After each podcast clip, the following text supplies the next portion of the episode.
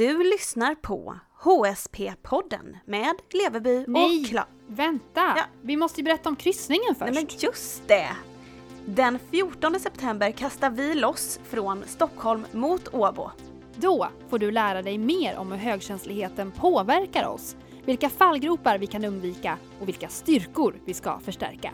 Och så träffar du föreläsare och oss såklart. Läs mer på tallingsilja.se hsp och på vår sajt alltomhögkänslighet.se. Hoppas att just du vill följa med oss.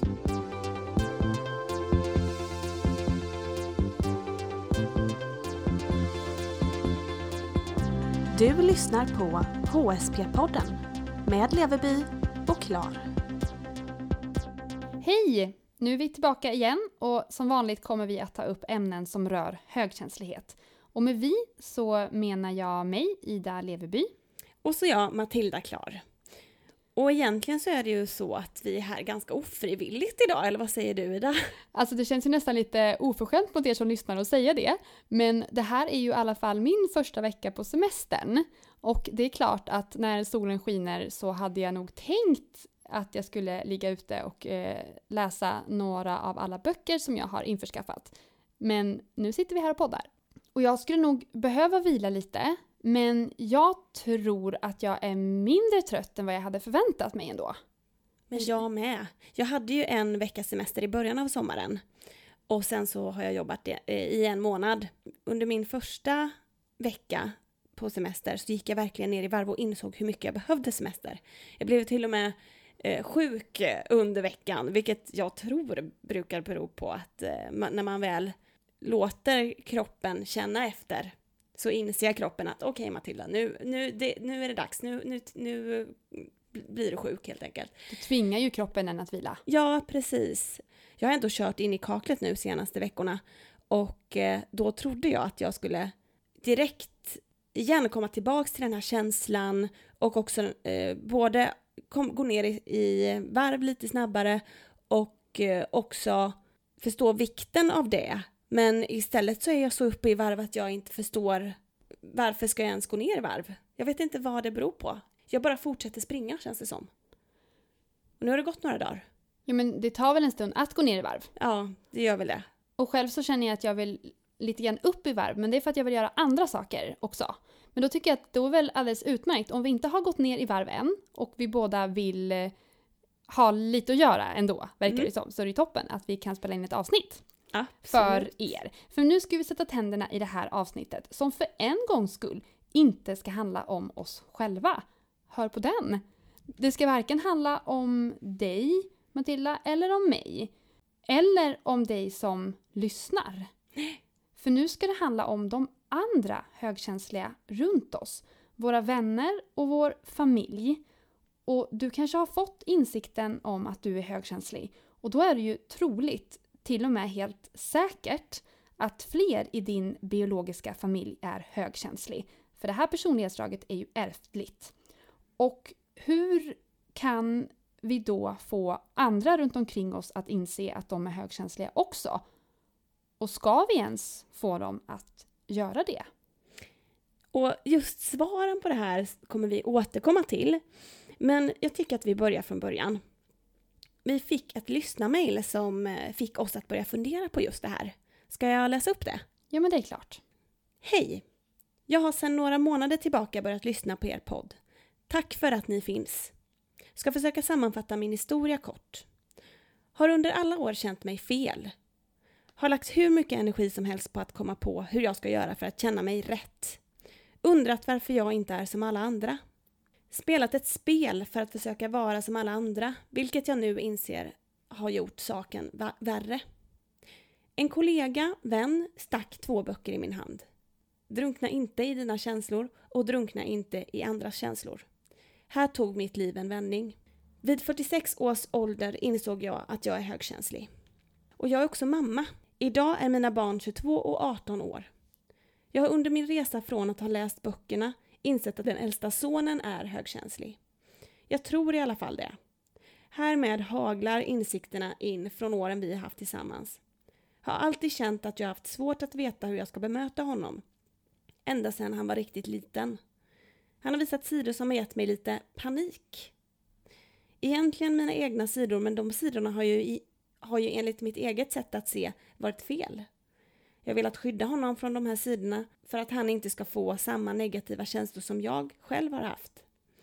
Har pushat och peppat för att han ska våga, att han ska vänja sig att umgås i sociala sammanhang, att han ska umgås med vänner och att han ska känna samhörighet i olika grupperingar.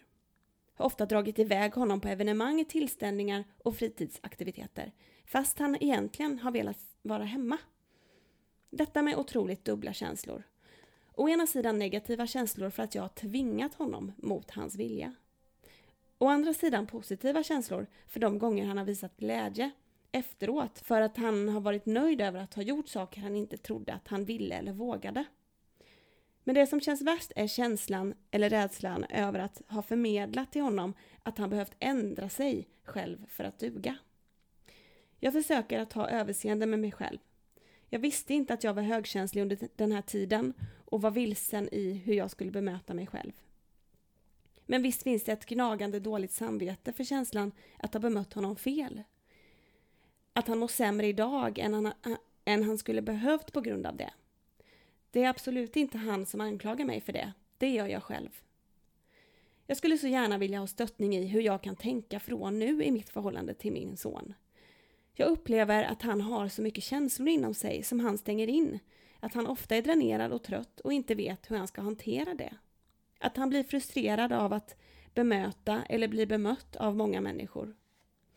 Och jag förstår till viss del varför. Han har växt upp med budskapet att göra det, från båda sina föräldrar. Det är otroligt svårt att nå honom i detta då han tycker det är jobbigt och säger att han inte orkar eller vill prata om det. Hur ska man tänka? Ska man försöka förklara? Hur kan man förklara? Och hur ska man ställa sig till att han inte är mottaglig? Jag skulle gärna se att ni gav ämnet lite fokus. Kanske finns fler i samma situation. Mm. Nu har ju du läst mejlet Matilda, men hur tänker du när du hör detta? Men först och främst får vi väl säga grattis till den här lyssnaren som har insett att hon är högkänslig. Och eh, det verkar ju hända en del för henne, i, för henne själv just nu. Ja, det är ju aldrig för sent. Absolut Och livet inte. kan ju bli bra precis när som helst. Ja. Och sen det andra som jag tänker på är att jag tror att det är viktigt att inte anklaga sig själv för mycket, då som mamma i det här fallet, för att ha gjort fel. Och att blicka framåt istället för att blicka bakåt. Liksom, vad gör vi nu då? För att det är ju inte bara hon som har haft de här tankarna när hon växte upp under vuxen ålder och som mamma och i hela sitt liv hur man ska vara. Om att vissa av de högkänsliga dragen inte passar in och det är inte så ett barn ska bete sig. Det genomsyrar ju hela samhället och eh, då får man ju bara vara glad för att hon har insett det nu, tänker jag. Och kan eh, jobba vidare med det från och med nu. Vad tänker du? Ja, men jag tänker att hon har ju sin egen resa och den måste få komma först. För man måste alltid se till sig själv först innan man kan se till andra. Även om det är ens egna barn det handlar om. Och sen har ju hennes son också en egen resa. Och sen har ju de en relation. Så vi har ju tre stycken relationer här. Vi har ju Mm. relationen som hon har med sig själv, som sonen har med sig själv och relationen de har tillsammans. Och relationen som hon har med sig själv verkar ju börja ordna upp sig. Relationen som sonen har med sig själv verkar ju vara lite komplicerad, så som hon ser det. Men det är ju också hans resa. Och det finns ju ingenting som säger att den relationen med honom inte kan bli bättre. Nej, precis. Och han har ju precis börjat hitta sig själv och vem han är. Han är ju fortfarande väldigt ung. Och vi vet ju heller inte, alltså tänk om. Man kan ju tänka sig det omvända i deras relation nu då. Att hon hade berättat för honom mer vem, vem han var. Säg att hon hade vetat vem hon var och hade berättat för honom då vem han var. Det är inte säkert att han omedelbart skulle ha känt igen sig. Nu om han får veta att det finns någonting som heter högkänslighet kanske han kan känna igen sig för att han har testat att vara någon annan på den andra sidan. Han har också försökt vara någonting han inte är och kanske då kan få en större lättnad och falla in liksom i högkänslighetsdraget smärtfritt. Mm. Det vet man ju inte. Nej. Men hon verkar ju ändå vilja hjälpa sitt barn framåt i den här resan på något sätt. Och det måste man ju också kunna göra. Om man ser en, eh, en anhörig, familj eller en vän som eh, behöver hjälp av något slag så är det klart man vill hjälpa den personen. Så hur, hur kan man göra då? Har du några tips Ida? Alltså jag var ju den första i min familj. Nu blir det ju personligt ändå här, men Ja. det går liksom inte att komma undan känner jag.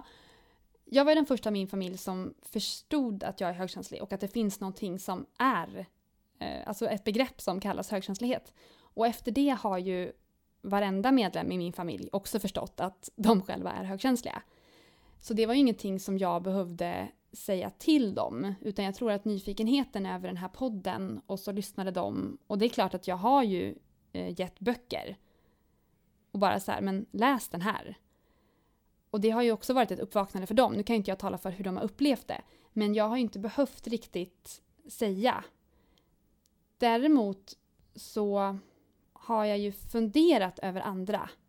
Och då är det ju svårt att säga men du, jag tror att du är högkänslig. Mm. Alltså för om den andra personen inte riktigt är mottaglig och den andra personen... Alltså så här, det behöver ju heller inte vara samma för alla. Nej. Alltså en persons upptäckt kan ju betyda mer eller mindre än en annans person. Och det beror ju också såklart, vet vi ju forskningsmässigt, på bakgrund och barndom. Ja. Om man har blivit accepterad som högkänsligt barn så har man lättare att acceptera sig själv och mår bättre. Det är ju de barnen som inte har fått den emotionella stöttningen i att de är okej som de är som det kan gå lite sämre för. Ja. Om man har landat i sin högkänslighet redan så kanske det inte är en lika stor aha-upplevelse när man väl får reda på att man själv är högkänslig. Nej, för att då kanske man redan har blivit accepterad som den man är oavsett om man är högkänslig eller inte. Och Ja. då kan högkänsligheten bara komma som grädde på moset. Ja. Lite grann. Mm. Men jag tycker nog att hon ska prata med sin son Mm. och förklara så här fungerar jag.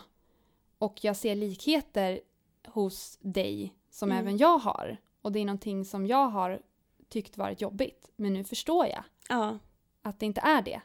Och det är okej. precis. Och det är du också. Ja. Det kan ju vara jättefint att, att berätta.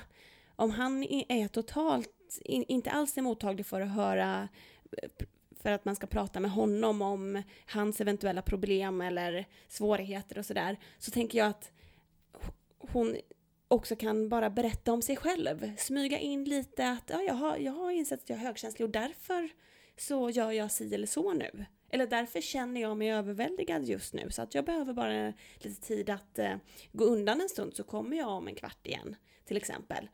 För det kan ju dels ge honom chans att känna igen sig i sin egen mamma eh, och eh, att hon kan då hjälpa till med de här verktygen så att de behöver inte ens prata om det utan han kanske tar sig an det självmant. Ja, man sår ju ett frö. Precis. Men jag tänker också, och nu blir jag ju hobbypsykolog här. Ja. Men jag har, har jag, det har jag sagt va? Att jag har en utbildning i beteendevetenskap. tror du har nämnt det, men Ja. jag tycker det, det är värt att Det är säga värt att säga nu, mm, Ja. för er som lyssnar. Det är inte bara på. Att det jag instinktivt eh, plockar upp här, det är ju kanske att deras relation behöver vårdas. Oavsett högkänslighet eller inte. Mm. Varje barn behöver ju få höra från sina föräldrar att de är accepterade och älskade för dem de är. Ja, Så det kanske inte är högkänsligheten just som står i fokus nu. nej, Utan kanske mer att du, jag ser nu när jag har lärt känna mig själv bättre att jag kanske inte har accepterat mig själv och då förstår jag om du känner att jag inte har accepterat dig.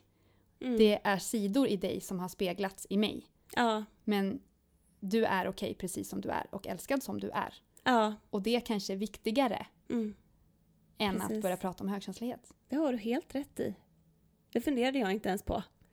En annan grej som jag kom att tänka på, nu sa vi att det här inte skulle handla om oss det här avsnittet då, men det, som sagt kommer det göra det ändå. Eh, hur du fick reda på att du var högkänslig, hade någon anhörig, vän, familjemedlem någonting med i spelet och hur var det? Jo men det var ju en dåvarande pojkvän som gav mig boken Drunkna inte i dina känslor. Och vad sa han då när han gav dig boken? Nej, alltså han förklarade om sig själv att jag har väldigt mycket känslor. Du verkar också ha det. Ehm, jag har fått höra att jag inte har någon hud. Och att jag inte har sån hård hud. Och det verkar inte du heller ha. Men det finns en bok här Mm. som jag tror hans mamma hade gett till honom. Ja. Eh, och att jag tror inte att, att han identifierade sig själv som högkänslig. Utan då kände igen sig i det Maggan Hägglund och Doris Stalin skriver om att ehm, man kan också utveckla en känslighet Ja, om man det. har haft det stormigt när man är liten till exempel. Och vi hade väl pratat en hel del då om, om mycket känslor bara. Så att det var mer så. Och sen så förstod nog inte han Nej. vart det skulle landa, Nej. att det skulle landa i högkänslighet.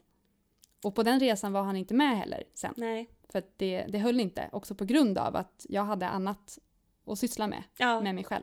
Och det var den boken. Så jag tänker att det är inte så dumt som hon som skriver brevet berättar att det var en kollega som stack två böcker i hennes hand. ja. Det är inte så dumt. Nej, det är det inte. Man behöver kanske inte säga så mycket heller. För det kan ju också vara svårt att förklara. Jag tycker det är jättesvårt. För att jag hade en, en kollega bara för någon vecka sedan som, eh, vars vän hade lyssnat på vår podd. Och sen så frågade hon mig så här, men ehm, jag har också problem med att älta eller jag tar åt mig av kritik. Så här, är jag högkänslig? Och det var så märkligt. Ja. För vad ska jag säga? Vad ska Nej. jag svara? Har jag ingen aning om. Nej. Och bara säga då att så här, men ta testet. Det känns som att så här, ja men kom med i klubben. Men det är ju också viktigt att de som är högkänsliga och det identifierar sig som det, är det. Ja. Så att det inte blir en massa, alltså det kan ju lika gärna vara att man har problem med självkänslan. Ja. Att man har svårt att ta, eller att man tar åt sig av kritik. ja, det behöver visst. inte vara högkänslighet. Nej, Så att rätt blir rätt. precis. Och då är ju en bok bra för att testet vi, alltså studierna visar ju tydligt att de som känner igen sig, de känner igen sig. Och majoriteten känner inte igen sig. Nej, exakt. Jättebra tips ty- tycker jag. Och då kommer man ju undan det här med om man nu vill eh, egentligen då prata med sin son i det här fallet eller en vän men inte den personen vill prata. Genom att bara ge en bok då behöver man ju inte ens prata. Man behöver inte ens återkoppla efteråt. Man behöver inte säga någonting när man, när man liksom ger den. Man kan bara säga liksom att jag läste den här tyckte den var så himla bra. Sommarläsning liksom. Och sen är det bra så. Och så får man väl ta det därifrån sen om man tycker att eh, det är värt ett extra samtal. Man kan fråga hur, hur var boken, vad tyckte du? Men liksom var lite försiktig där också kanske. Ja, för man vill ju heller inte att någon ska komma en lite för nära. För det har ju vi högkänsliga ibland, tycker jag, lite problem med. För att vi känner av och känner in så kan vi nästan bryta oss in i en annans persons eh, inre sfär. Ja, Och det kan ju upplevas lite hotfullt. Man är inne och gräver och, och krafsar på ytan och vill ta sig in för att man känner att den andra problem, personen har problem med någonting. ja, Men den personen kanske inte vill det. nej, Och då får man backa lite. precis. Och då kan ju en bok vara en så bra öppnare och Ja. en bra ingång. Att bara säga att jag tycker jättemycket om den här boken. Vill du läsa den Mm, för, för min skull? För då Ja. kanske vi kan prata om den för jag känner igen mig i den här boken. ja, precis. Och erbjuda det mer som en så här, kan du hjälpa mig lite? Ja, Kanske. exakt. Men på tal om det som du sa med att det är lätt att komma lite för, för nära och krafsa in lite på djupet utan att den andra personen vill det. Så kommer jag ihåg att jag läste om högkänslighet, tror jag snuddade vid, men också om empaths någon gång för flera år sedan. Och när jag läste om, om det här så tänkte jag ju direkt, det här är Ida. För jag kände inte igen mig direkt då. Mm. Men jag kände igen dig. Och det, min första initiala tanke var, jag måste ringa till Ida nu och säga att du är en empath. det här visste inte jag. Och så kände jag lite så här, nej men det känns för, för, eh, för starkt och speciellt i den situationen du var just då, där du var på väg på en resa och utforska och utveckla dig själv. Så kände jag att jag, jag kan inte gå in där och, och peta. Ty- Tycker du att jag gjorde rätt?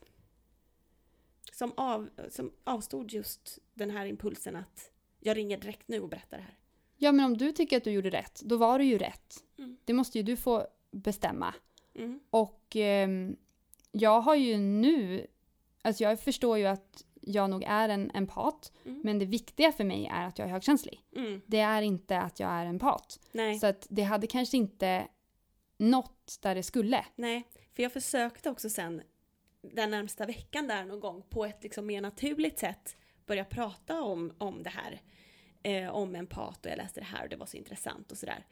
Men du reagerade inte riktigt. Jag tror, jag tror helt enkelt inte du var mottaglig då. Man måste ju vara redo själv för att jobba med sig själv och se, se, se vissa delar av sig, av sig själv. Jag säger inte att du inte jobbade med dig själv, för det gjorde, det gjorde du säkerligen då.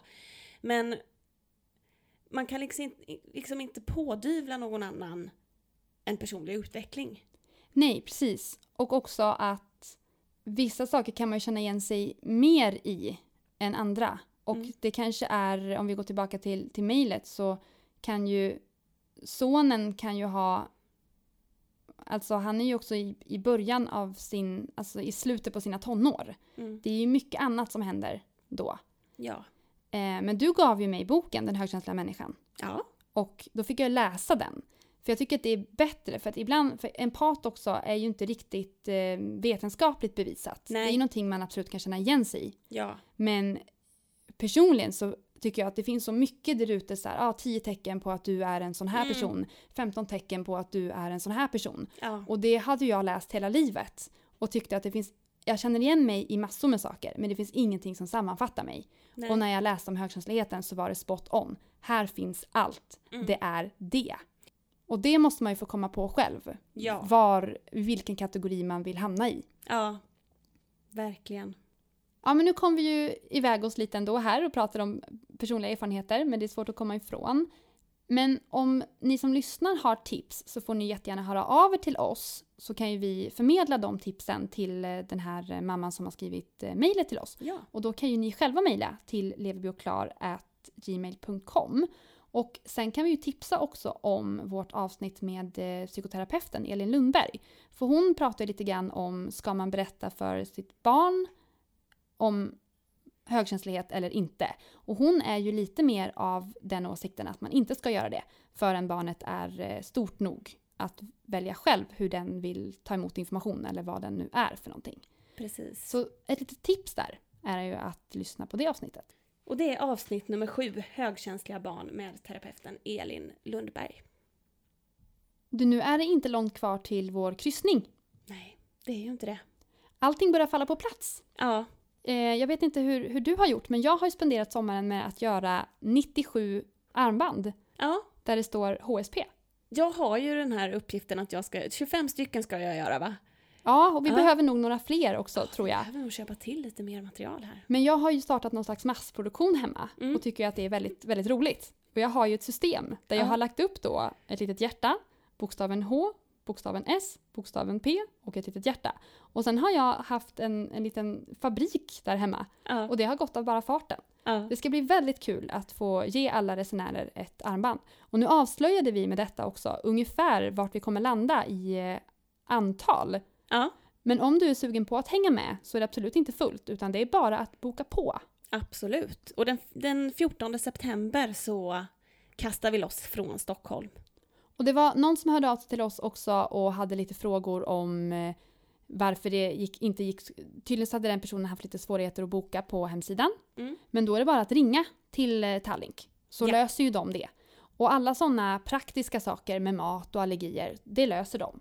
Så det är bara att eh, hänga med oss helt enkelt, ja. om du är sugen. Och gå in då på tallinksilja.se HSP så hittar du all information där och eh, du kan också boka. Vad har Bertil oss att säga så här i sommartid? Jo, han säger så här. Värmen bygger en bro denna härliga sommartid. Den ger oss en inre ro och även en underbar frid. Himlen är alldeles blå och några fåglar tittar ner. Just på mig där jag nu står, på allt det vackra som jag ser. Vi finns på Facebook, där heter vi HSP podden med Leverby och Klar. Och på Instagram heter vi HSP Leverby Klar. Där kan ni också få se bilder på de här fina armbanden ja. som vi är så stolta över. Gå in, så att eh, om du inte har tänkt det för så åk med på kryssningen för att då får du ett sånt här vackert eh, armband. Ja, och en massa föreläsningar naturligtvis. Men det vet ni ju redan vid det här laget. Nu säger vi tack och hej för det här avsnittet. Det gör vi. Hej hej! Uppfattar du dig själv som blyg? Om du är högkänslig kanske det inte alls är så. Det ska vi prata om i nästa avsnitt som handlar om ofrivillig ensamhet och om hur lätt eller svårt vi har att skaffa nya vänner.